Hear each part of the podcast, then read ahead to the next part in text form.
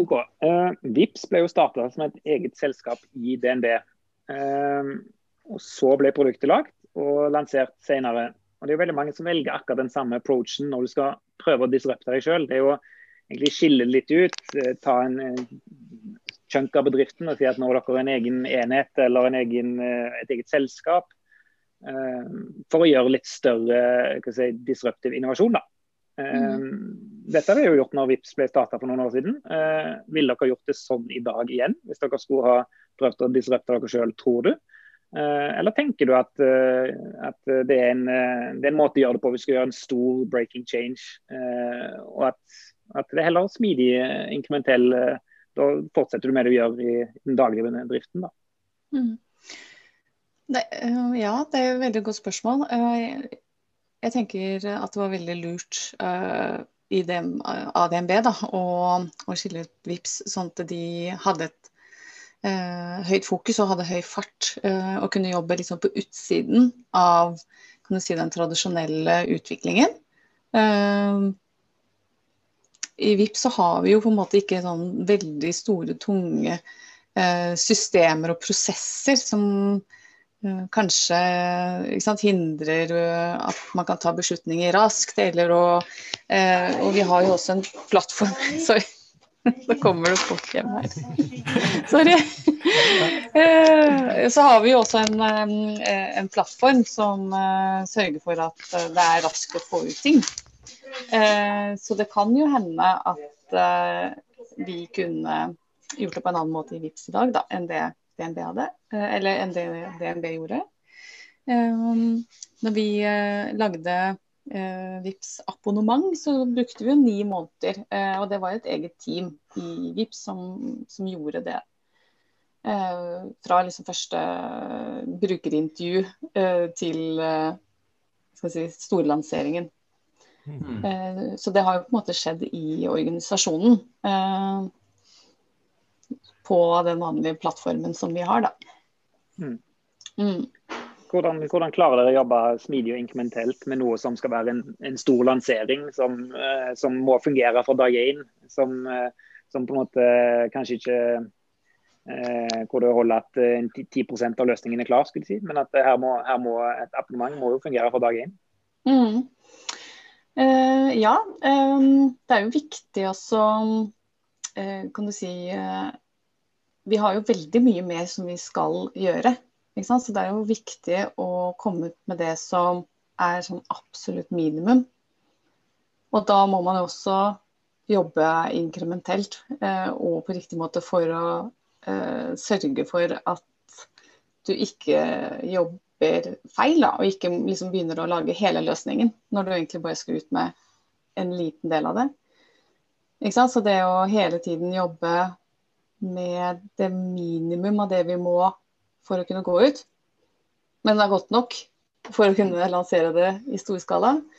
Eh, så er det jo veldig viktig da, å teste ut hva det er, hele veien. Hvordan klarer dere å teste det godt, da, når det er noe som kan være hemmelig? Som uh, ikke kan, uh, kan, bare gå ut og geriljateste på en kafé, eller uh, gi til 5% av brukerne av vips appen Eller hvordan, sikrer dere at okay, her vet vi faktisk at det vi lager er godt? Ja, det er et veldig godt spørsmål. Men vi har jo kjørt, hatt brukertester på det. så det er jo noen brukere som har vært klar over dette.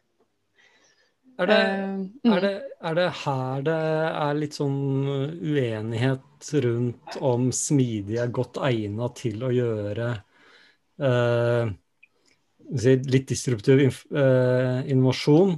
det at man ikke kan avsløre hva man holder på med før på en måte alt er klart og du overrumpler markedet.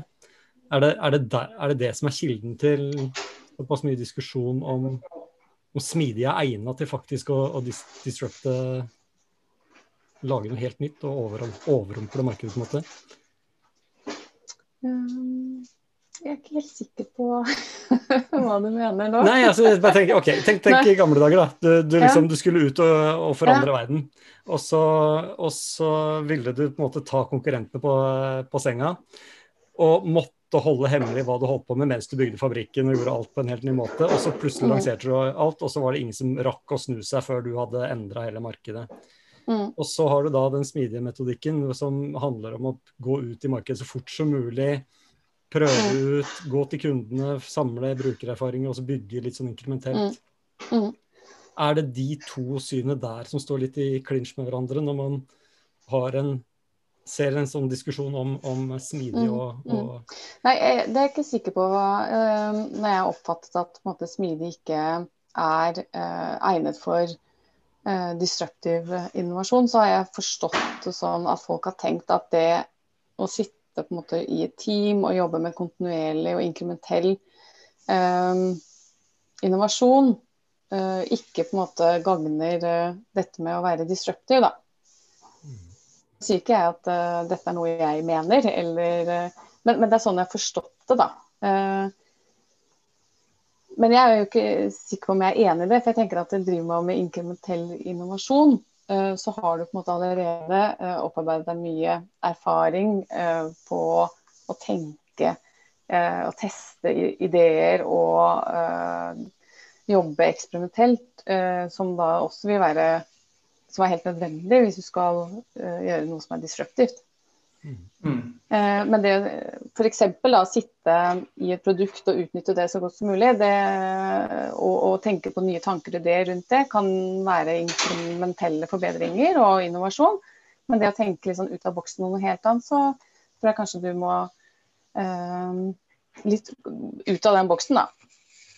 Mm. Men det betyr jo ikke det betyr jo ikke at du ikke skal jobbe smidig i, i, i en annen boks. Nei, ikke sant. Nei. og selv om, ram, selv om, du har rammer som har tvunget deg inn i en boks som du skal sitte og jobbe i hver dag, så betyr ikke det at du ikke evner å tenke utenfor den boksen. Nei. Mm, mm. Så, så jeg, jeg, tror kanskje det skal liksom eh, Altså, det å jobbe smidig tror jeg det, Jeg tenker at det gjør man nesten uansett. Hvis du har eh, høy usikkerhet og du ikke vet hva problemet er, så, så, sier det litt om hvilken teknikk du kanskje skal bruke. Men, uh, men det på en måte å tenke helt utenfor boksen krever kanskje litt mer da, av å, å, få folk som ikke er så like hverandre, til å, Eller har ulike perspektiver til å tenke sammen og tenke Eh, slå sammen uh, ulike markeder uh, eller posisjoner eller muligheter. Mm. og se noe, noe nytt, da. Mm. Jeg vet ikke. jeg vil også bare liksom påpeke at Dash altså, finnes, Man legger veldig mye rart i smidig. Og mm. i hvert fall en av tingene man legger inn, er jo på en måte hyppig brukerinvolvering eller kontinuerlig brukerinvolvering for å kunne verifisere at det bruker track eller ikke. Men Brukerinvolvering trenger ikke tolkes til at det må være en brukertest av en løsning eller en prototype. Det betyr bare at du har en hyppig innsiktsinnhenting og verifikasjon av dine antakelser. Mm. Så dersom du måte, er redd for at du skal røpe produktet ditt i en smidig prosess, så trenger du ikke vise produktet ditt i den involveringen. Du kan gjøre annen type mm. brukerinnsikt. på en måte. Men så det vi sier er liksom det at uh, hvis man skal La oss si at det er ikke enten-eller. Det er ikke enten radikal innovasjon eller inkrementell innovasjon. Det er på en måte en litt sånn uh, to akser, på en måte da. Uh, hvor da radikaliteten er innholdet, mens inkrementell innovasjon er på en måte metoden for hvordan du tilnærmer deg det innholdet. på en måte. Og så kan det godt hende at du må organisere deg utenfor en etablert bedrift for å kunne fristille deg fra eksisterende liksom, prosesser og bagasje. Men bare fordi du gjør det, betyr ikke nødvendigvis at du skal liksom hive alt av eh, holdt på å si etablert uh, utviklingsteknikk og utviklingsmetodikk ut av, måtte, ut av vinduet. Mm. Mm. Bare fordi du organiserer, organiserer, selv utenfor, betyr ikke det at du ikke skal snakke med brukere. Det betyr bare at du skal snakke med brukere på en annen mm. måte og involvere dem på den måten du trenger for å verifisere verdiforslaget ditt, ikke nødvendigvis mm. Mm. løsningen din. da. Ja, så tenker jeg også at det har litt med det produktet Eller det du tester ut, da. Hvis det er på en måte nære kjerne um, skal si kjernen i bedriften, uh, så er det kanskje mer naturlig å ha det nærmere. Men hvis det skal være noe annet, så er det også La oss si at det er, uh, trenger ikke å identifisere seg med den merkevaren du har, så kan du også være lenger unna, tenker jeg. Mm. Så skal du lage noe helt nytt med noen, en annen brukerbase, eh, en annen merkevare, sånne ting, så kan det fristilles eh, i mye større grad eh, enn hvis du f.eks. eh, skal bygge på noe du allerede har. Mm. Vi begynner å gå tom for tid, og det høres ut som familien din uh, ja. trenger middag. Ja. Eller du lager middag der. Ja, det er noen som har begynt uh, å ordne på, på kjøkkenet her. Det er sånn åpen, uh, åpen kontorløsning, skjønner du. Dessverre. Jeg sitter på et eget sted, men det er åpent inn til gangen. Hvor det er igjen åpent inn til kjøkkenet. Åpent hjemmekontorlandskap. Ikke sant?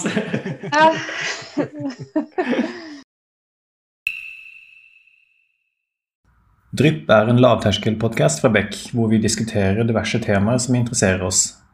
Og Hvis du har et tema som du har lyst til at vi skal snakke om, eller du vil være med på en innspilling, ta kontakt på drypp.beck.no.